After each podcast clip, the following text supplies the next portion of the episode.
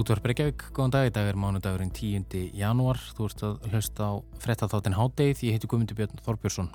Verkalýsreyfingin fyrir hugar málsókn gegn ríki og sveitafélögum vegna ólíkrar tólkunar á greiðslu í sóttkví í Orlofi. Fjöldi mála hefur borist inn á borð reyfingarinnar þar sem bæði uppsagnir og launamál tengjast kórnuveru faraldrinu. Málisni staðalega um frídaga vegna sóttkvér í Orlofi sem eru ekki tólkaðir með sama hætti hjá ríki og sveitafélögum annars vegar og hjá verkalýsreifingunni eins og er. Drífa Snædal, fórseti alþjóðu sambands Íslands, lítur við í síðari hluta þáttarins.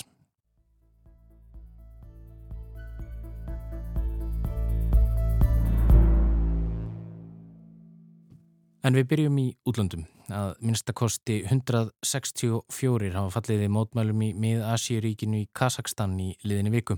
Frá þessu greina fjölmilar í landinu en óttast er að mun fleiri hafi látist. Nettsamband komst aftur á í Almaty fjölmunustu borg landsins í morgun eftir nær 5 sólaringa sambandsleysi. Rúsneskir hermenn eru komnir til Kazakstan til að aðstóða stjórnvöldu eða berja niður mótmælinn við litla hrifningu bandarækjastjórnar.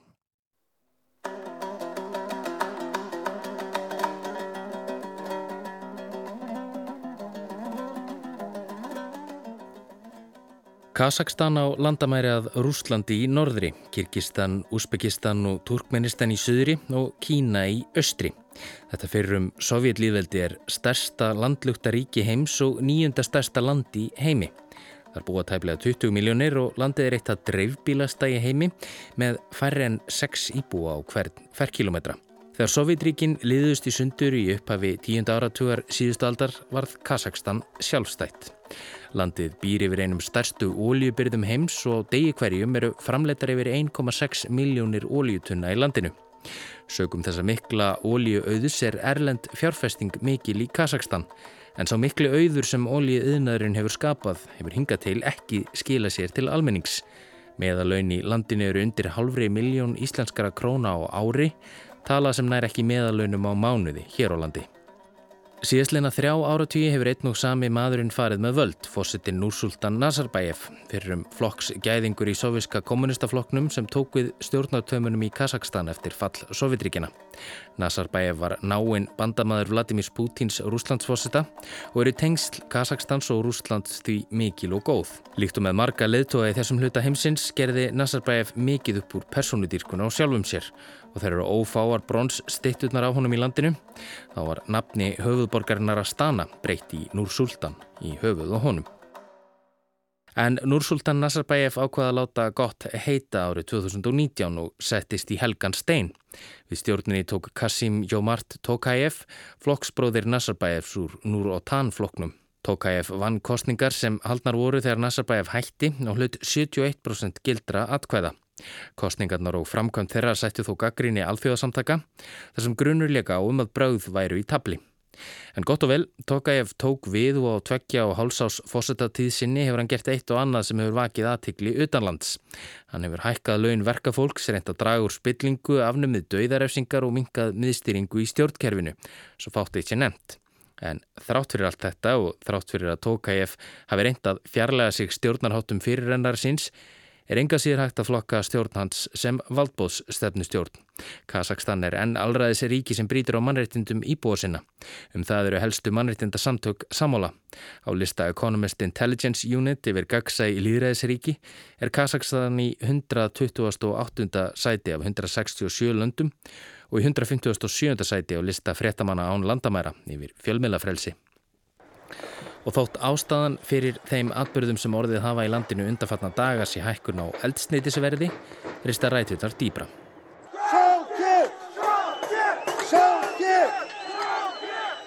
Átökin í Kazakstan hófust annan janúar í bænum Sjanosen sem er miðstöð ólíuvinnslu. Þar hafði hópur fólks komið saman til að mótmæla hækkun stjórnvalda og svo kulluði LPG-gasi, eldsneiti sem margir kazakar nota meðal annars sem eldsneiti á bíla sína.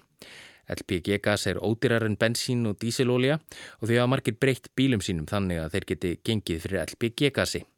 Stjórnvöld heldur því hins vegar fram að nöðsynlegt væri að hækka verðið á gasinu þar sem allt stendi að byrðirnar væri að klárast og þetta var engin smávegis hækkun, ríflega tvöföldun. Takk fyrir.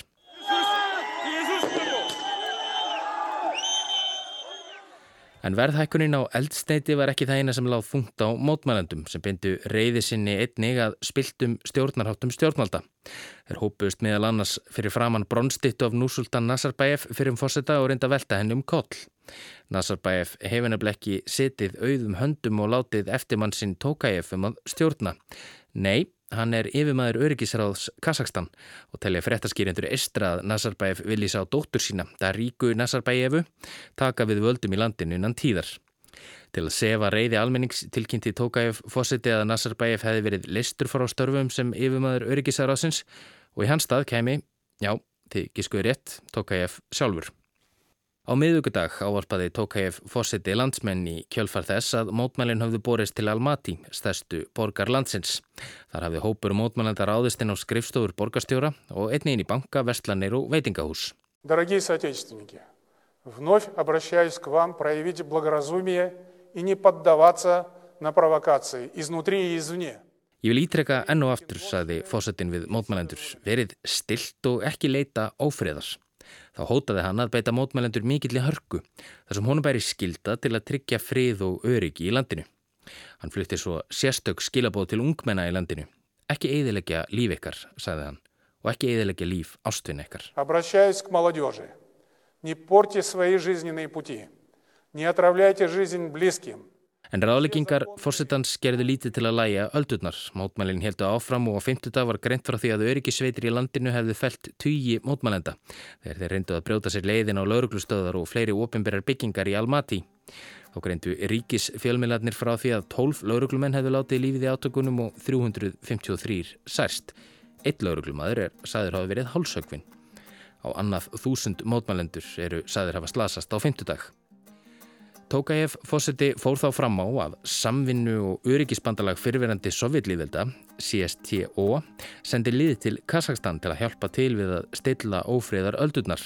Rússar og fimm önnur fyrirverandi sovjetlýðveldi eiga aðild að því. Að sögnfósettan segja öryggisveitir hans í höggi við hriðiverkahópa sem hafa hlotið yfirgripsmikla þjálfun Erlendis. Fyrstu gæsluliðarnir komið til landsins á 50 dag og eru nú yfir 2500 talsins. Þetta er fyrsta stóra verkefnið sem samvinnu og öryggisbandalagi þarf að kljást við frá því að það var stopnað árið 1999.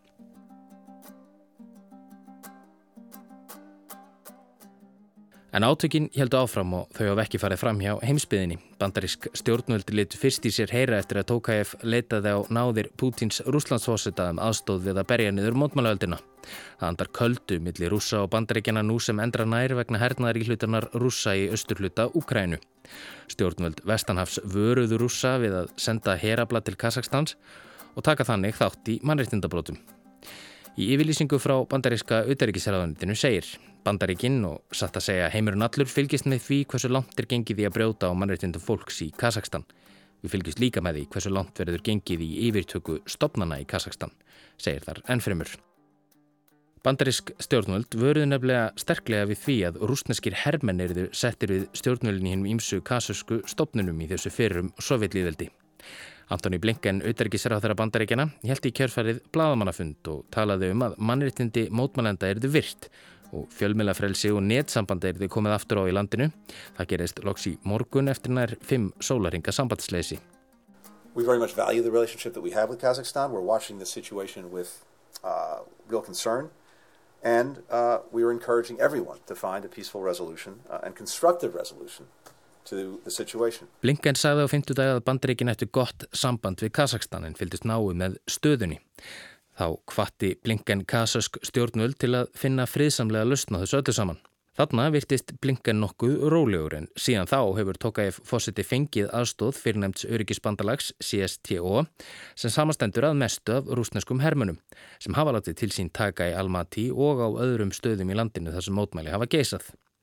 Í viðtali við sjónvastöðina ABC í gær sagðist Blinken ekki skilja hvers vegna Kazakar teldi sig þurfa á aðstóð rúsa að halda.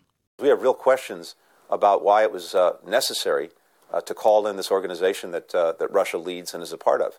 Uh, these ought to be things that the uh, government of Kazakhstan can handle on its own and handle in a rights-respecting way.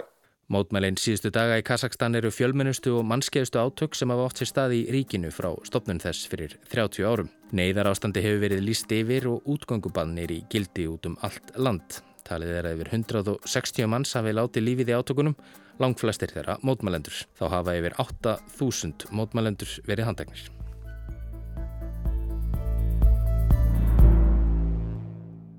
Verkalýsrefingin ætlar í mál gegn ríki og sveitafélögum vegna ólíkrar tólkunar á greiðslu í sóttkví í Orlofi.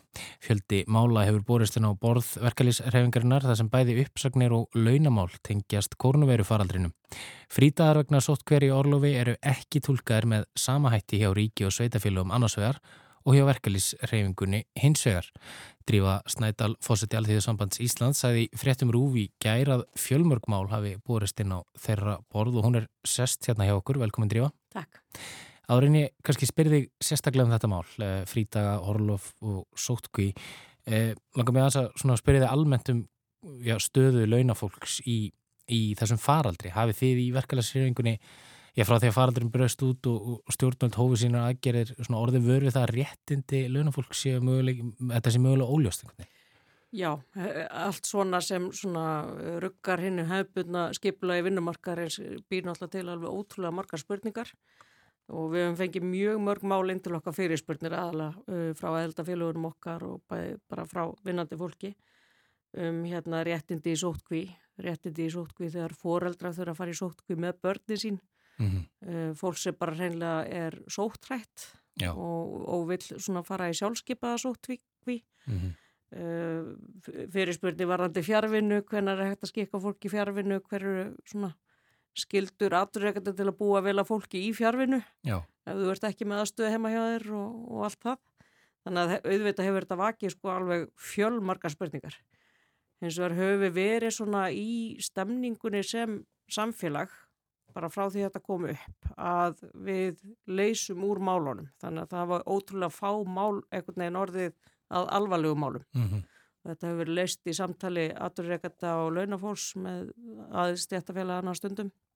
Þannig að það var svona allir verið að leggjast og eitt að finna bara bestu lausnindar Fyrst ykkur aðtunurreikundur hafa, hafa komið svona vel til móts við, við launafólki í þessum faraldri og það sé þá kannski vegna þess að þau, þau sé að vinna undir svona frekar, eða fái styrki frá ríkinu til þess að gera? Já, það hefur náttúrulega skipt algjörlega sköpum. Uh, þessi fyrsta ákvörðun sem var tekin um laun í sótkví skipti sköpum bara fyrir sko sóttvarnir.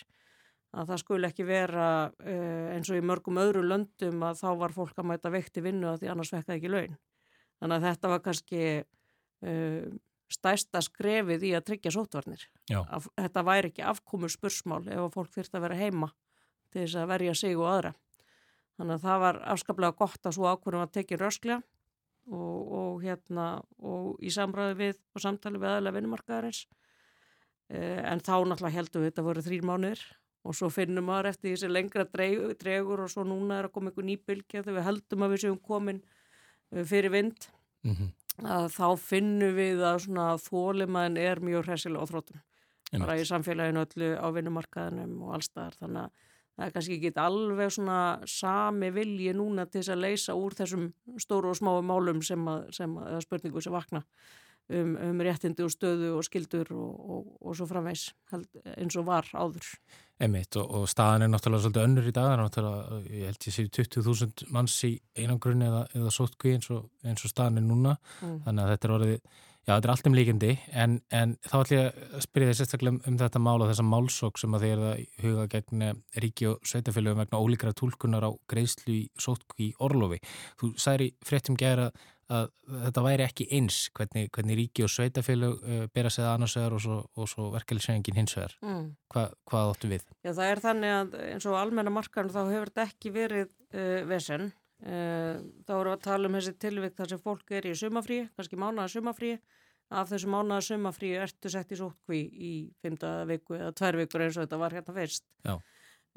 Og þetta, við höfum ekki orðið vörfið mörg svona mál á almenna vinnumarkaðnum það hefur bara verið leist og, og fólk það fær það bara að taka sumafríið sitt út setna mm -hmm. ef að það verður fyrir þessari skerðingu, mm -hmm. frelsiskerðingu í, í sumafríinu sínu.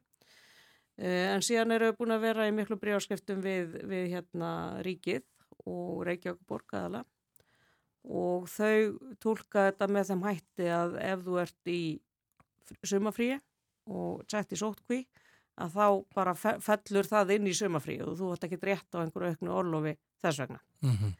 Við höfum viljað segja sem svo, þú ert uh, starfsmæður, þú ert settur í sótkví í miður sömafrí, þá lætur þú aturreikardagin vita, ég hef komin í sótkví, uh, þá getur þú hérna tala við aturreikardanum að vera í fjárvinu ef, ef þessi kostur. Um, en að öllu, öllu sögðu að þá, þá í rauninni getur þú ekki notið sumafrísins þíns uh, verandi í sótkví, það er bara mjög hamlandi. En hvernig virkar þetta þá eins og væri þá ekki með sömu rökum hægt að segja að við verðum veikur í sumafrínu mínu?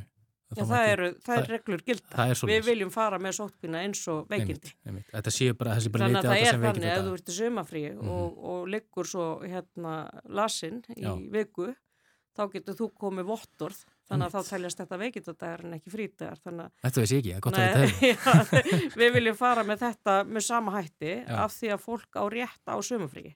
Og sumafríið í eðli sínu á að vera tími þar sem þú getur ráðstafa þínum tíma algjörlega frjáls mm -hmm. uh, og, og noti þess að umgangast aðra og noti þess að ferðast og svo framvegs eða bara gera ekki neitt eða bara þú ráðstafar því, þetta er þinn tími.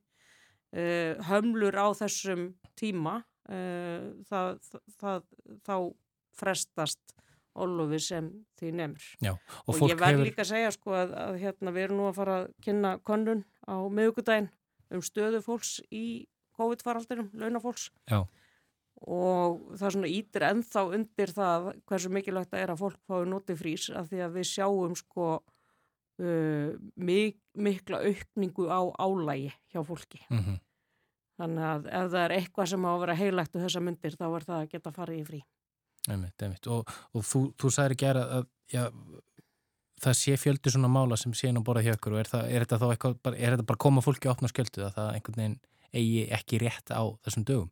Uh, já og þetta verðist hafa verið gert svona með mjög mismunandi hætti eftir bæði vinnustöðum hjá ríkinu og, og sveitafélagunum en ímsir er að lendi þessu já. Og nú erum við bara að leita að hennu fullkomna máli til að fara með að því að eftir brefarskipti okkar og, og samtöl við Reykjavíkborg og, og stjórnvöld að það var það ljóst að þau ætla að standa við þessa tólkun sína. Og þetta er bara eins og ímisönnu mál það sem er ágreiningum um tólkun að við bara látum domstólum það eftir að, að úrskurða um það. Og, og það hefur svo sem, það gerist ofta ári. Já. þannig að það er bara henni eðlegi farfiður þegar svona ágreiningu kemur upp. Einmitt, Aldís Hafstensdóttir formar sambands Íslenska Sveitafélag og bæstur í hverjageri, hún var, var spörð út í þessa fyrirhugðu málsókn í morgunútarpun á, á Rás 2 í morgun. Og skulum heyra hver hennar viðbröð voru. Já, fyrst og síðast finnst mér það nú bara daburlegt að hryggir með auðvitað að mála þessum tjóðask og á þessum tímum þegar að allir eru að verða fyrir miklum óþægendum og alls konar álægi vegna hins farandurs að þá skulum við vera að fara domstólulegina í svona máli. Já, Aldís, já, höfðar hann svolítið til samstöðunar. eh, hvað finnst þér um, um þessi viðbröð? Já, bara eins og ég sæði aðan, sko, það hefur náttúrulega verið samstæða um að leysa úr málum, en, en mm. það, það er ekkert óðalegt í það að það komi ágreiningur um tólkun í einstakka málum í þessu, hérna, þessum aðstæðum sem við erum í og þá er ekkit óeðlegt við það að dómstóla bara skeru úr um það. Já, en finnst þér að þess að Ríkjus Sveitafélug séu kannski ekki að sína uh, þessa samstöðu sem að, sem að umræðir með þessu? Uh, já, ég, það komir óvart hversu hörð þau voru í sinni afstöðu. uh, og það, það er alveg ljóst að þeirra afstæða er sko, þau hafa hérna, leiði yfir henni og, og kynnt okkur hana. Og það kemur óvart að þau skulle vera svona einörð í þessari afstöðu og, og eins og ég segi, þetta er bara uh, sitt hvort tólkun á réttindum. Og á hvað stað er, er þetta mál núna hjá ykkur? Uh, við erum að undirbúa málsókn. Mm -hmm. eða, eða þar segja hérna ASI skrifstónu í, í samstæru og samtali við eblingu stjættafélaga því þau eru með uh, mál sem snúa Reykjavíkuborg. Já. Það, það eru undirbúningi hjá. Nefnitt. Ef við vikið maður að öðru að vera áhvert að fylgjast með hvernig, hvernig þetta mál fer en, en nú er Já, eins og við tölum um á þann, það er, það er stór hluti þjóðarinnar í, í sótkví e, eða einangrun og, og þetta hefur auðvitað mikil áhrif á bara atvinnulífi í, landinu og, og að, þetta hefur verið erfitt fyrir já, launafólk sem og, og launagreðendur. E, það hefur verið svolítið umræðinu undanförnu að, að hérna, auka réttindi þeirra sem eru bólusettir. E, Eh, og það eru náttúrulega ymsar útfæslur á því. Hver er svona ykkar skoðun í verkefælsreyfingunni á, á svona já, svona málum ættu við að er, finnur fólk fyrir pressu til dæmis að láta bólusita sig eða fara í örfunarskamt frá vinnuveitenda til dæmis? Já, ég held að það sé tölvöld um það. Uh, fyrst vil ég segja að ég, ég eru hugnast mjög mikið hvernig yfirvöld hafa stýrt þessu. Það er að segja með kvartningu en ekki valdbúðum. Mm -hmm. Uh, og ég held að það sé svona grundvöldurinn að því að það hefur þó verið eitthvað svona sátt og samstæða í samfélaginu. Uh, þannig að mér hugnast það ekki að vera með valdbúð í bólusetningum. Uh, frekar en önnu valdbóð. Við höfum eins og að lagsta áratna með stjórnvöldum að hvetja fólk til að fara í bólusetningar. Höfum verið að miðla upplýsingarefni frá yfirvöldu til okkar erlendra félagsmanna og svo framvegis um bólusetningar og mm -hmm. til þess að koma upplýsingu vel á framfæri. Um, ég hef líka skilning á því að sóttverðar yfirvöld hafi tekið þessu ákvörðu núna að svona létta á sóttkví hjá fullbólusettum. Mm -hmm. Af því að þetta er ekki sama rosalega heilsufarslega ógnin og þetta var. Já. Eh, þannig að auðvita hlýtur að koma því að leta á, á fólki þegar eh, það er umverfum sett full fríst í, hérna sótkví en hins vegar má þetta einhvern veginn ekki verða til þess að búa til einhvern veginn tvær þjóður í landinu þeir sem eru bólusettur og þeir, þeir sem eru ekki full bólusettir mm -hmm. þannig að þetta er mjög vandasamt að Þetta setur náttúrulega pressu á já, launafólk sem er kannski já, hefur svo sem hvaða ástæðar sem það eru mm. til þess að láta ekki bólusetta sig eða fara ekki örunaskamt eh, vinnuveitandi gerir ráð fyrir því mm. að, að við komum til að sé bólusettur eða búin að fara í örunaskamt og þur, þurfi þar alveg ekki að fara í sótkví mm -hmm. svo kemur annað á daginn eh, og þá, já, þá vandast málið.